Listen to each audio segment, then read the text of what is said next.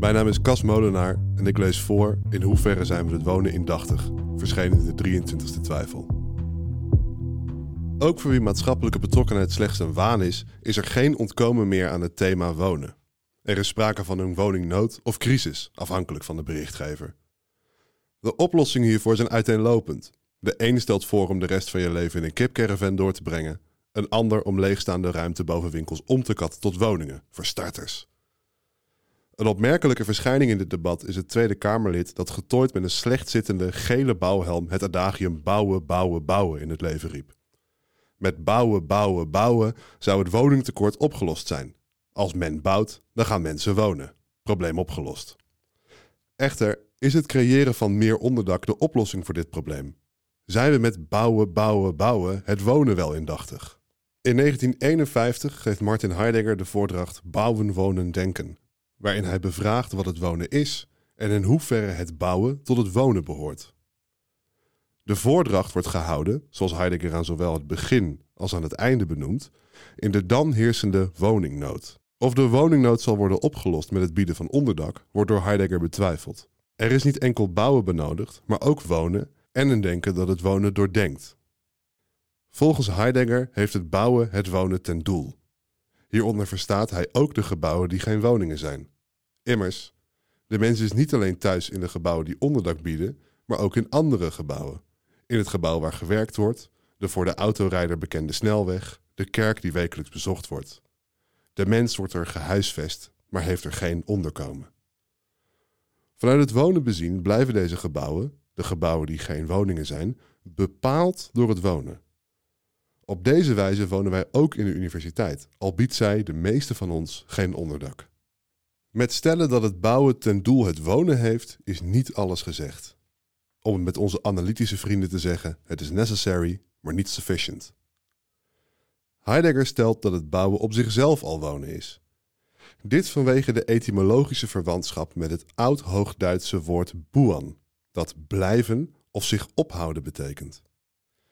Deze oorspronkelijke betekenis van bouwen, of in het Duits bouwen, is voor ons verloren gegaan. Al zit er nog steeds een spoor in buur, de buurman die naast je woonachtig is. Daarnaast roepen ook het bebouwen van een akker en het verbouwen van gewassen een bepaald beeld van wonen op. Het bouwen draagt wonen reeds met zich mee. Een dergelijk beroep op de etymologie en het oud-Hoogduits zal iets zijn dat bij enkele lezers op de lachspieren werkt. Maar ik verzoek eenieder, zowel de lachende als de ernstige, de gedachtegang van Heidegger niet te vroeg te onderbreken. Heidegger wijst ons niet op enkele wenken binnen de taal, maar ook op de werking van taal in het algemeen. Waar de mens denkt schepper en meester van de taal te zijn, wordt de mens eigenlijk geregeerd door de taal. De wijze waarop taal over de aarde raast, schept een machtsverhouding tussen ons en de taal. Een machtsrelatie die we negeren, wegstoppen of zijn vergeten. Je zorgvuldig uitdrukken in de taal is hierom een groot goed, maar helpt ons nog niet om te doorzien hoe woorden ons al toespreken. Hierom loont het om de oorsprong van woorden te ontdekken. Zo komt de oppervlakkige betekenis van een woord niet in de weg te staan van datgene wat eigenlijk gezegd wordt. Afgezien van het vergeten van de betekenis van het woord bouwen, dat al wonen betekent, vergeten we ook het bouwen als wonen, omdat het wonen voor ons gewoonte is geworden. Wonen doen we op zoveel verschillende manieren dat de betekenis van bouwen als wonen geheel wordt opgeëist door louter wonen. Bouwen als wonen komt in de schaduw te staan van wonen. De werking van de taal, waarin het oppervlakkige in de weg komt te staan van wat eigenlijk gezegd wordt, maakt dat de mens niet meer eenvoudig en verheven kan spreken. Zolang we dit niet doorhebben en ondervragen, komen we nooit tot een daadwerkelijk begrip van wat het bouwen van gebouwen is. We moeten voor eerst bedenken dat elk bouwen ook een wonen is. Hoewel Heidegger in Bouwen, Wonen, Denken nog verder doorgraaft, de betekenis en etymologie van wonen, de introductie van het gevierd, hoe het bouwen tot het wonen behoort, de rol van de ruimte als een verzameling plekken, de architectuur als een hervorbrengen, voert het nu te ver om op al die aspecten in te gaan. Immers, er is genoeg besproken om een antwoord te suggereren op de vraag of de woningnood opgelost wordt met het bouwen van meer onderdak.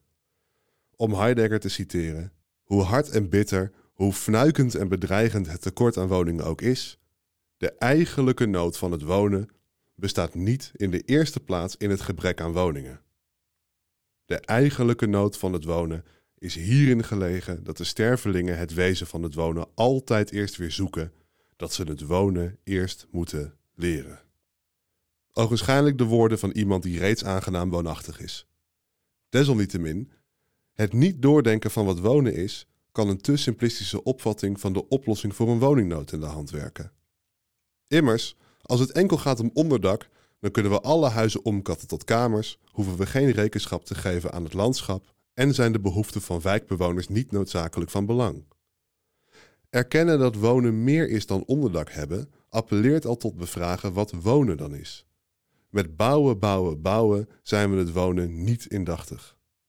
Hoe dat wel moet, is aan ons om te denken.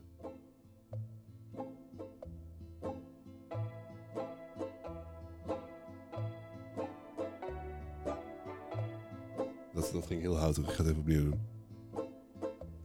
Hoe zei je te beginnen? Goedemiddag.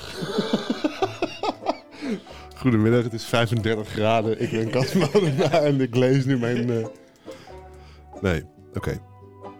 En een denken dat het wonen doordenkt. Kut, doordenkt moet het zijn. Maar ook wonen en een denken... De, en, uh, uh, en een denken dat het wonen doordenkt. Door het Kut. Godverdomme. Oké. Toen ik het schreef, wist ik, oh ja, dit klopt en ik snap het. Maar daarna was het wel weer, wat heb ik ook alweer geschreven? dit is... Nee, dat, en dat hoor je terug. Dus dat moet ik even weten. Sorry hoor.